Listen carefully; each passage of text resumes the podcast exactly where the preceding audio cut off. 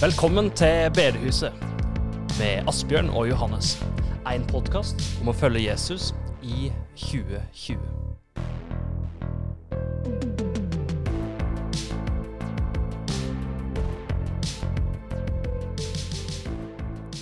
Ja, hjertelig velkommen til eh, Bedehuset, en podkast om å følge Jesus i 2020. Og her i dag sitter jeg med Asbjørn Smeland som vanlig.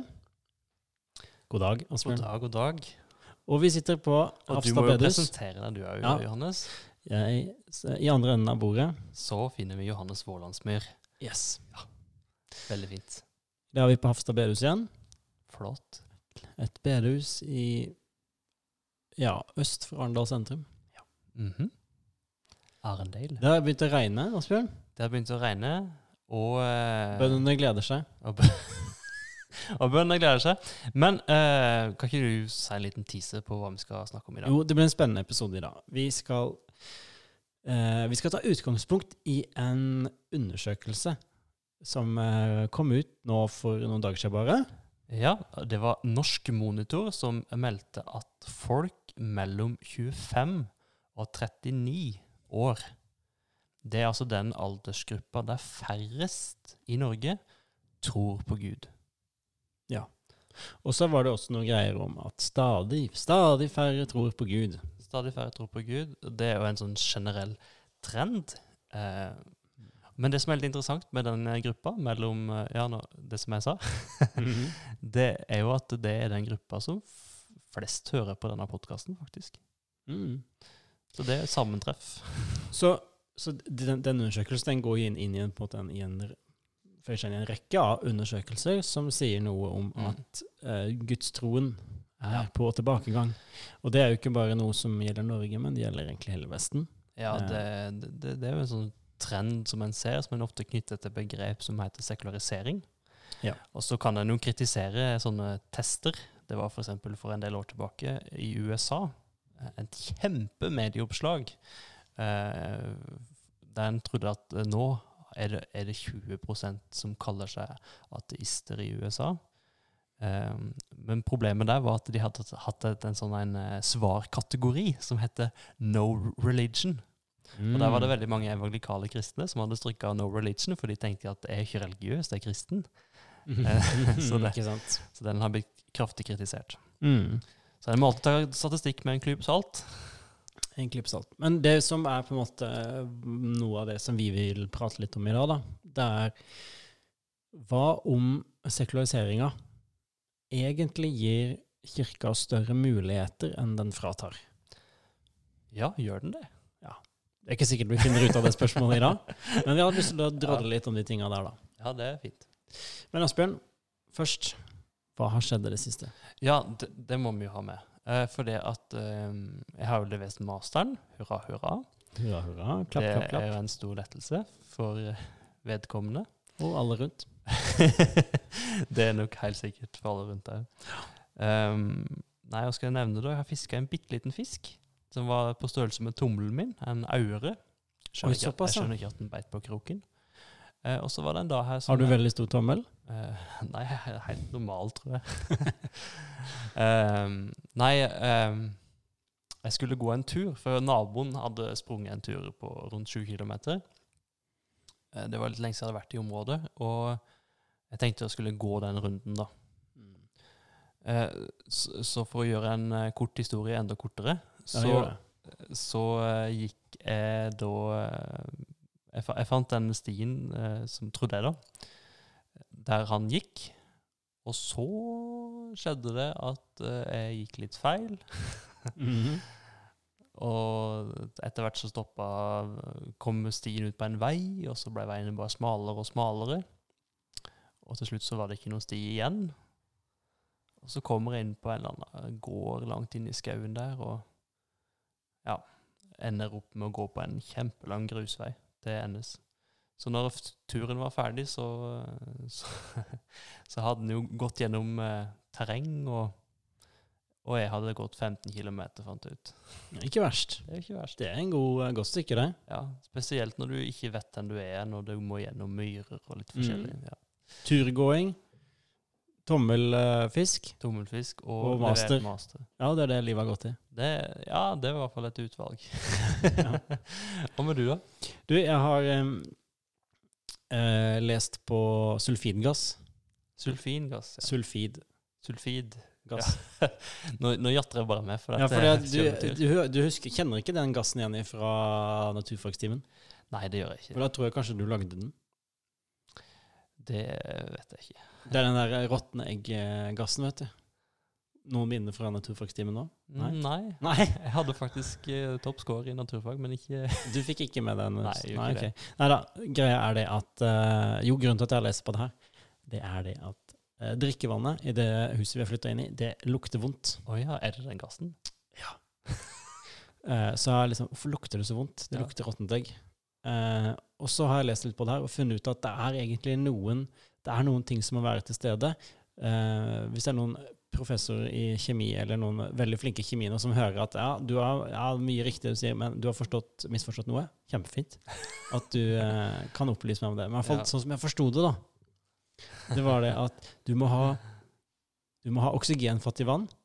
Okay. Du må ha jern, og du må ha meganforekomster i vannet. Og du må ha humus, altså jord.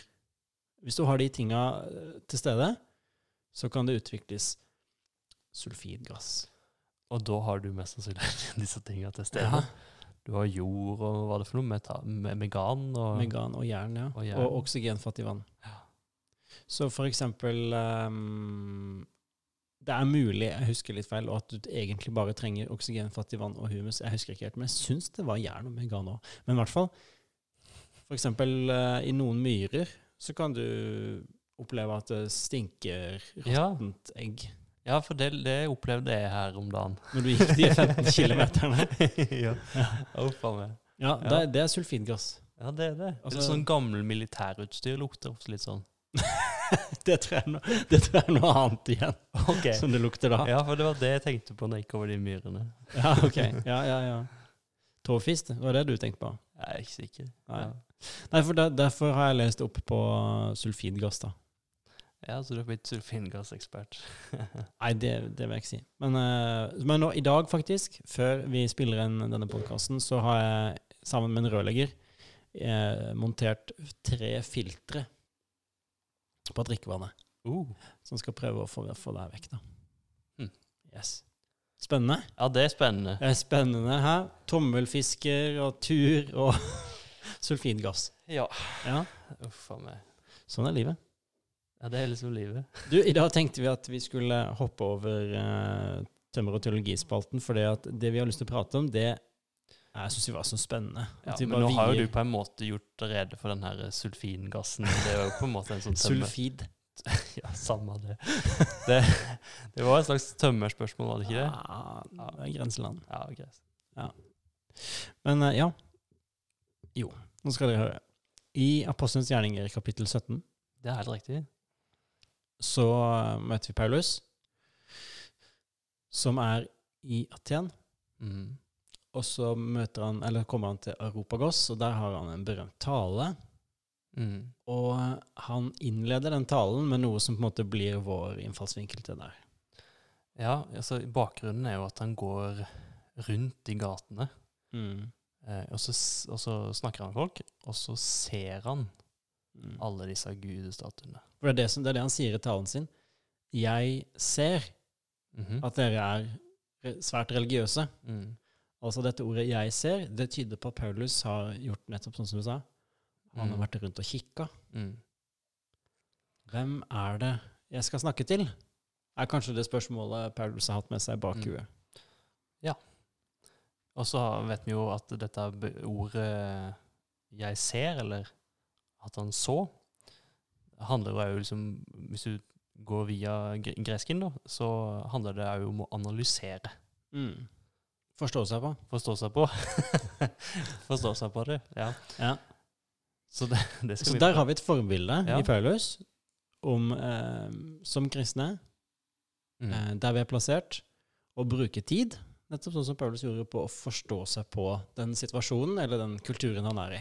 Hvem er det jeg skal preke til nå, eller hvem er det jeg skal snakke til nå, Ja. eller vitne til nå? Hva er det som gjemmer seg bak, på en måte under overflaten av det folk tenker? Mm. Og det er jo her denne statistikken kommer inn, Asbjørn. Ja, for det er jo det vi skal prate om i dag. Uh, vi skal prøve å gå under, uh, gå under eh, overflaten litt for å se og analysere litt hva er det folk Mm. tenker. For det er jo sånn at hvordan du forstår, forstår situasjonen, Mm. Hvordan du på en måte forstår den konteksten du er plassert i, avgjør i ganske stor grad om eh, hvordan du handler. Det er helt klart. Og når vi da leser sånne statistikker som Norsk Monitor, at det er stadig færre som tror på Gud, så, eh, så kan jo det virke, tyde på at eh, oi, dette er jo skikkelig negativt. Pilene peker nedover, og så. Mm. Og så kan vi bli lei oss. Så kan vi bli ganske lei oss. Ja. Og begynne Eh. å drømme. Kan, kan alt bare bli sånn som det var før? Mm. Og så kan det ha Ja. også konsekvenser for eh, hvordan vi tenker menighetsarbeid, ja, evangelisering. definitivt.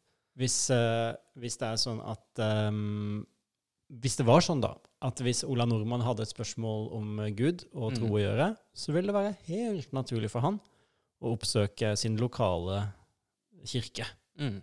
for å finne ut av det spørsmålet. Men hva hvis situasjonen er sånn at det er ikke der han vil lete etter svar? Og han vil Mm. kanskje ikke stille det spørsmålet engang. Mm. Så er spørsmålet hvem skal da være den personen som er der og stiller, stiller han det spørsmålet, eller som er Mm. der og svarer på spørsmålet? Det kan du si. Så det har en del å si hvordan vi forstår eh, nordmenns forhold til tro. Det har en del konsekvenser for hvordan vi tenker som, som kirke, og hvordan vi Mm. tenker om evangelisering. Og eh, ja. Har vi slått det fast? Ja, det, nå har vi slått det fast. Så altså, da- altså det, det, hvordan en forstår en situasjon, preger altså hvordan en handler. Mm. Ja. Så et sånt begrep som vi tenkte vi skulle stoppe litt opp med, det er jo dette med postkristent. Mm. Ehm, post etter Ja. kristen, kristen.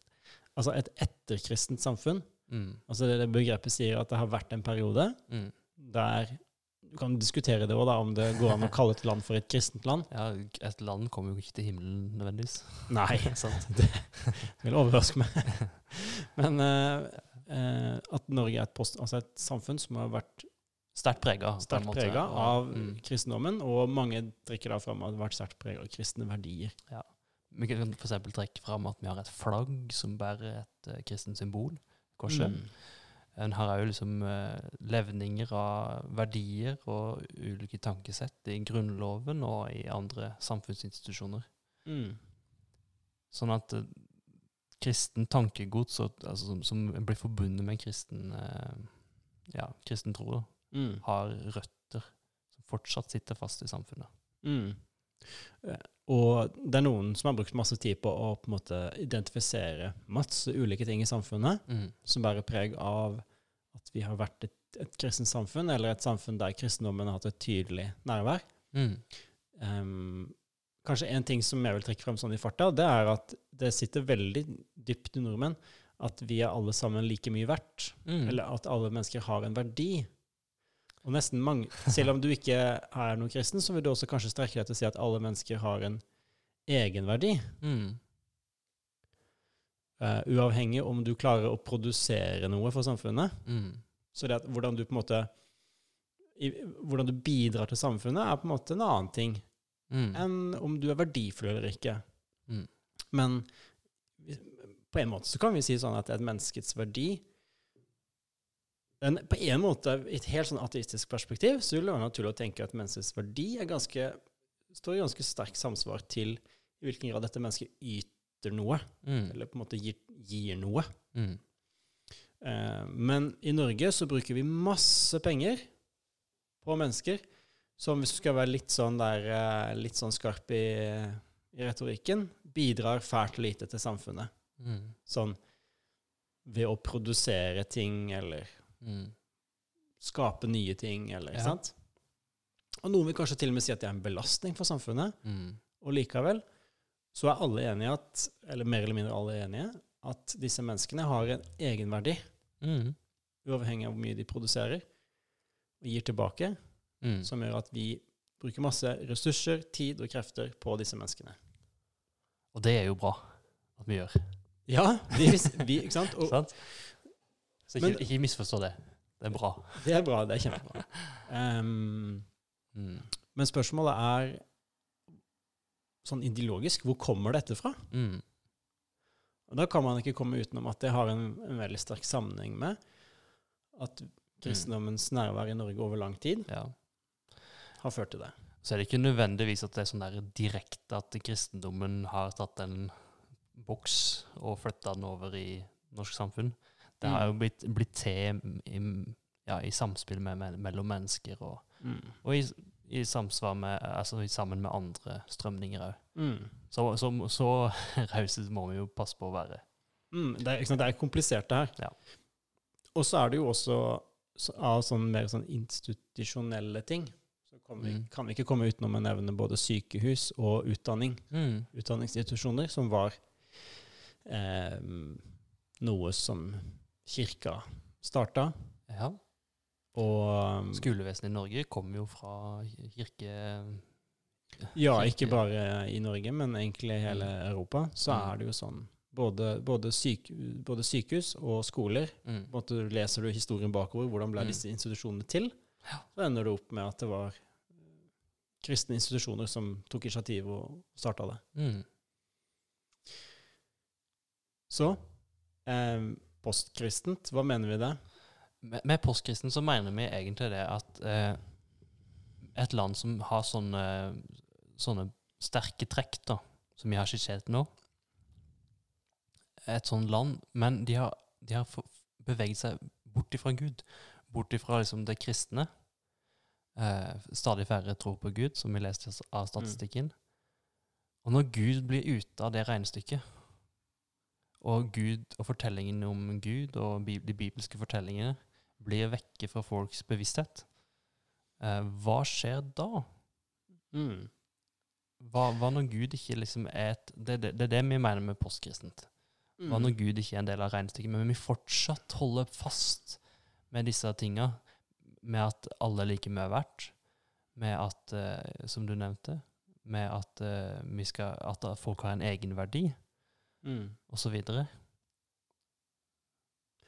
Og det som noen vil si om det her, det er at det sekulære samfunnet er sterkt prega av at de vil ha på en måte, fruktene Mm.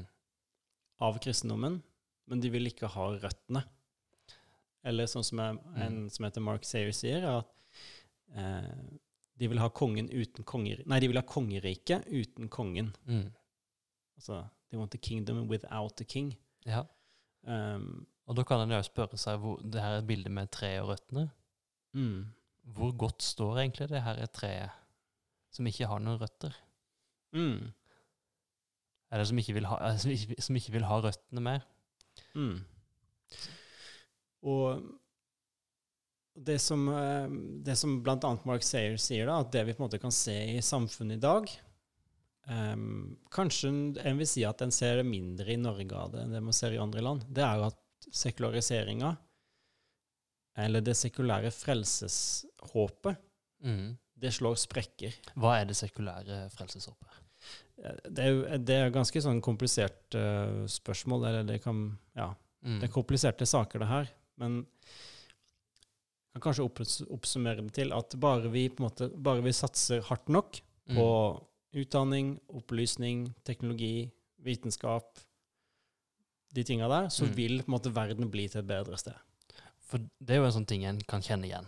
At, uh, at, at folk tenker at verden blir en bedre sted bare vi får nok utdanning. Nå skal vi ha, skal vi ha folk med doktorgrad inn i, inn i uh, barneskolen osv. Mm. Og så er jo det, det interessante her er jo hva mener du Eller en, hvis en artist hadde sagt det til meg, da Ja. bare vi gjør sånn og sånn, så blir samfunnet bedre. Så Mm. da, da, hadde jeg, da hadde jeg sagt tilbake, hva mener du med bedre, liksom? Hva, Mm. hva, hvordan, hvordan kan du snakke, Ja. du som artist, hvordan kan du mene at noe er bedre enn noe annet? Og det man da finner ut, Mm. det er det at eh, en kan nesten sette et likhetstegn mellom bedre og mer komfortabelt. Mm.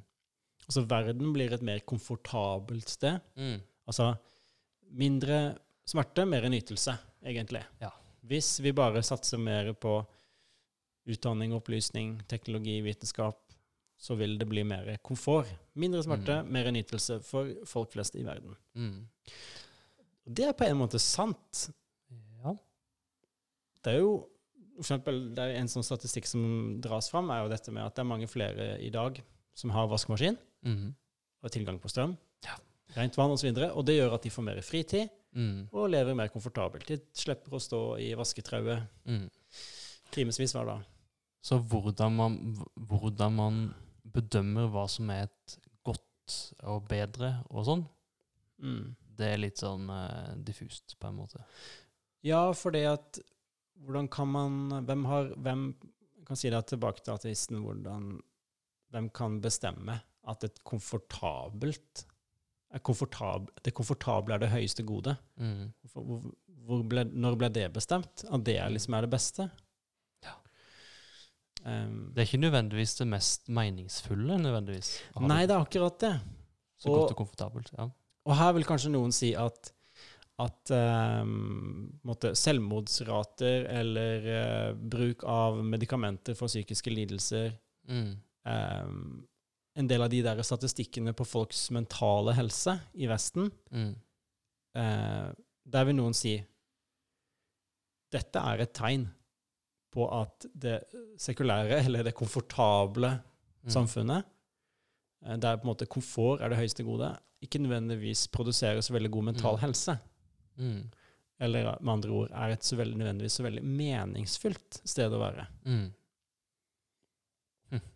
Så det er noen, det er noen artister som, som på en måte eh, snakker veldig høyt om at verden har blitt et bedre sted. Altså det at vi har Mm. satsa så hardt på skole Og på mange måter så har den jo blitt et bedre sted. Ja. Ja. Det er, bare, det er bedre definert som noe veldig smalt nå. Ja.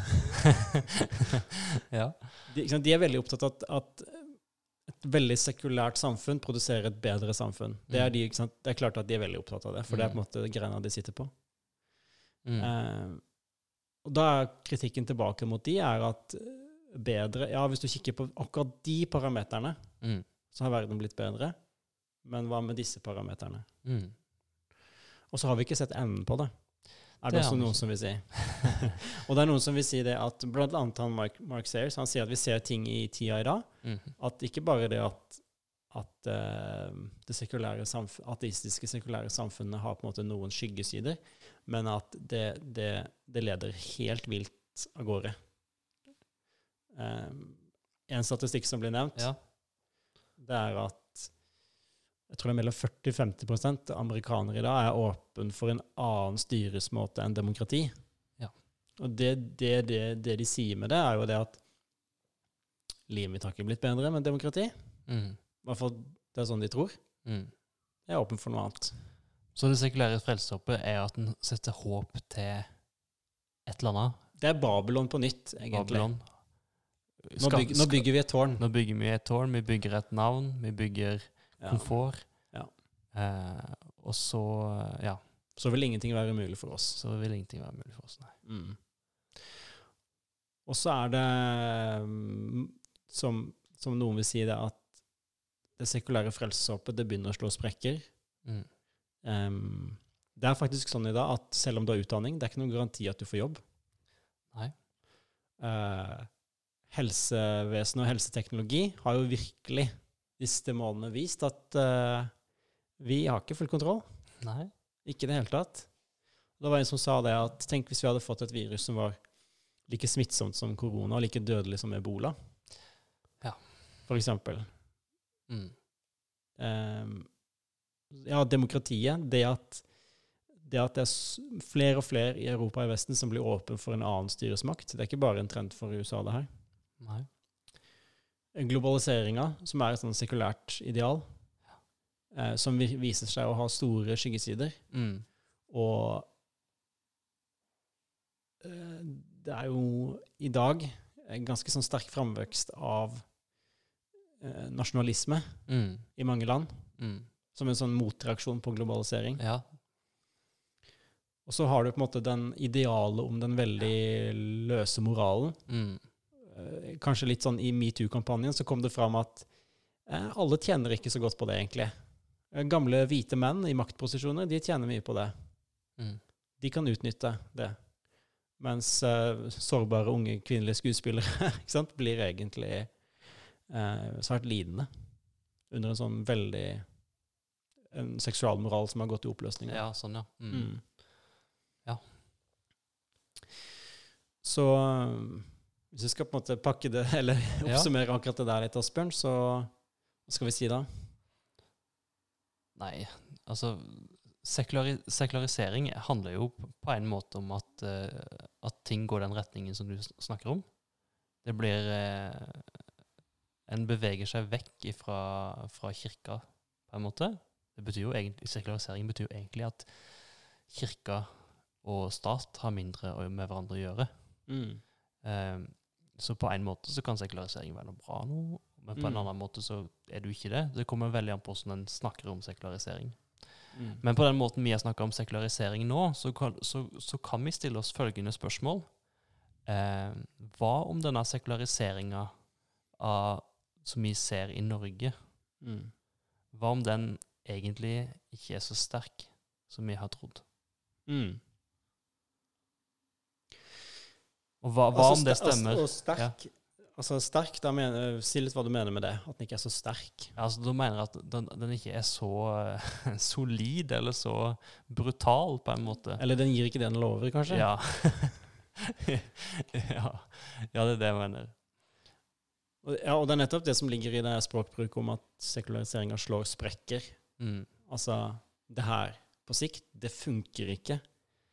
Det er ikke Guds rike som har kommet gjennom det ateistiske og sekulære samfunnet. Nei. Det er ikke sånn at nå får vi himmel på jord, bare vi satser nok på utdanning og vitenskap. Ja.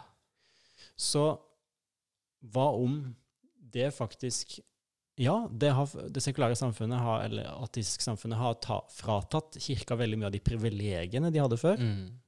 Men hva hvis egentlig det gir mye mer enn det tar? Det er spørsmålet. Og det er spørsmålet. Og her vil jeg hevde, og andre med meg, at det er nettopp det det gjør. Fordi at jeg vil tro, og vi ser tegn til det allerede, at på en måte Det ordet som på en måte blir hengende igjen helt til slutt, når man på en måte lar bare den ateistiske ideologier i flertall på en måte rulle fritt, Mm. det er håpløshet. Mm. Um, og det er ikke noe nytt. Det er ikke noe ny tanke i det hele tatt, det jeg sier nå. Og, og det, det er på en måte en kjensgjerning Ja. at for mange mennesker, kanskje spesielt mennesker som på en måte ikke lar seg tilfredsstille bare med å leve det komfortable livet, Mm. Så ender ateismen opp i en form for håpløshet, eller det liksom, tekniske ordet er nihilisme. Altså. Og der har jo da kirka en fantastisk mulighet til å si om at du er ikke bare en klump av atomer og kjemi, mm. men du er skapt med en hensikt. Villet. Gud ville noe. Mm. Gud ville at du skulle bli til. Han vil noe med livet ditt. Mm. Det er eh, noe helt annet enn det som på en måte forkynnes mellom linjene av den ateistiske profeten. Mm. Nettopp det at du er bare en tilfeldighet. Du har ingen egenverdi, egentlig. Hvordan kan en celleklump ha noe egenverdi? Yes. Vi er jo en celleklump, vi òg, i den forstand, da. Eh, vi er en skapt eh, celleklump med hensikt. Med hensikt. Ja. Uh, nei, eh, hvis vi skal på, en- på en måte runde av dette, og så vende tilbake til Paulus, eh, som sitter i Aten. Mm. Og han har sett folket, han har analysert, eh, og vi har snakka om at eh, nå slår det sprekker. Sekulariseringa er kanskje ikke så sterk som jeg Eller så den, den gir kanskje ikke den lover, eh, når vi snakker om dette ateistiske bildet på sekularisering. Disse, dette sekulariserte frelseshåpet som vi snakker om. Sånn at når, eh, når ikke de gir det det lover, så, så gir det mulighet for kirka. Å Komme med ekte vare. Å komme med ekte vare som faktisk leverer, og som faktisk holder, og som har holdt i over 2000 år. Eh, Som ikke nødvendigvis gir deg det komfortable nei. livet, som er på en måte håpet for ateisten, er jo det komfortable livet. Det er det, det er det flotteste han kan håpe på, det er et komfortabelt liv. Så det, det er jo det som er på en måte det, det, det motkulturelle i det kristne budskapet. Det Ja. gir ikke nødvendigvis et, komfortabelt liv i en sånn snever forstand. Nei. Men det gir et godt liv, et meningsfylt liv, som bare begynner Mhm. i dette livet, som først og fremst leves i evigheten. Ja. Og det begynner nå, og det leves i evigheten. Men hvordan kan vi begynne å leve det akkurat nå, da? Eh, hvordan, kan, hvordan kan vi følge Jesus i 2020 i lys av dette her? Jo, jeg tenker at Det er kanskje et par ting jeg har lyst til å si om det. Det er det at jeg tror kanskje Det har gått opp for meg at uh, vi kristne har kanskje litt for uh, mye tro på troa vår. Hvis jeg skjønner hva jeg mener. At vi nå, I hvert fall i, i sammenhenger jeg har vært i, så har det vært mye sånn Nå skal vi ut og forandre verden. Ja. Forandre samfunn, og nå skal vi influere storting og sånne ting. Mm, sånn influensere. Ja. Men jeg, jeg har nå kommet til det at jeg tror det er Vi har undervurdert faren for at vi blir influert. Ja. At vår tro blir sekularisert. Um, jeg tror egentlig vi må begynne der at vi må regne med at den har blitt sek sekularisert. Mm, Og så prøve å lete oss ut av den gjørma. mm, det er det ene ting jeg har lyst til å si. Det andre er det at eh, kanskje det er så enkelt som å gå litt tilbake til bergprojekten, egentlig mm, og ta de orda litt mer bokstavelig enn det vi kanskje har hatt tradisjon for å gjøre. mm, Så når du er på jobben din mm. Har en sjef som er ufordragelig Nå har jeg ikke det, da, men når, hvis jeg hadde hatt en sjef eller kollega Ja, som ja. er ufordragelig, eh, hva gjør jeg? Altså hvordan, hvordan da praktisere orda Jesu Jesu sine ord om elske sine fiender og vende det andre kinnet til, Mm, på en veldig praktisk måte. Um, og jeg tenker at det handler litt om at jeg tar ikke igjen. mm. Jeg, som Paulus sier, overvinn det onde med det gode. Ok, og det betyr at da skal jeg gjøre gode ting, da? Når han eller hun Gjør gode ting mot de som gjør vonde ting Ja. mot deg, ja. Rett og slett. mm, Og det du sier med å gjøre gode ting mot de som gjør onde ting mot deg, det er at du ser noe, du ser et større bilde mm, som de ikke ser. Du Mm. har ikke nødvendigvis din egen komfort og din egen rettferdighet Mm. eller re- rette behandling for øye, men du har noe, et større bilde, nemlig Mm. at hevnen hører Herren til. mm, Vi skal alle dømmes. Ja. Det er Gud som skal dømme, ikke jeg. ja. Og jeg etterlater min sak Mm, i Guds ånd. mm, Det er å leve som om Gud finnes. mm. Absolutt. Så du velger jo om, du, om det er den personen som skal ha makt over deg, eller om det er Gud. Mm. Og da vil jeg forhåpentligvis eh, ønske at det er Gud som skal ha makt over meg, Mm. og ikke denne personen. Mm. Så Det var et godt eksempel. Så, så, men det er jo ikke bare sånne situasjoner vi kommer opp i. Vi kommer Mm. jo opp i mange andre situasjoner. Mm. Så et sånn godt tips kan jo være å ta samtalen videre i eh, cellegruppe eh, med noen du snakker med om tro, Mm. med en mentor, medvandrer, eller noe sånt. Ja. Og så kan du eh, så, så kan du faktisk spørre deg hvordan ser det ut å leve som at Gud finnes i Mm. 2020? Mm.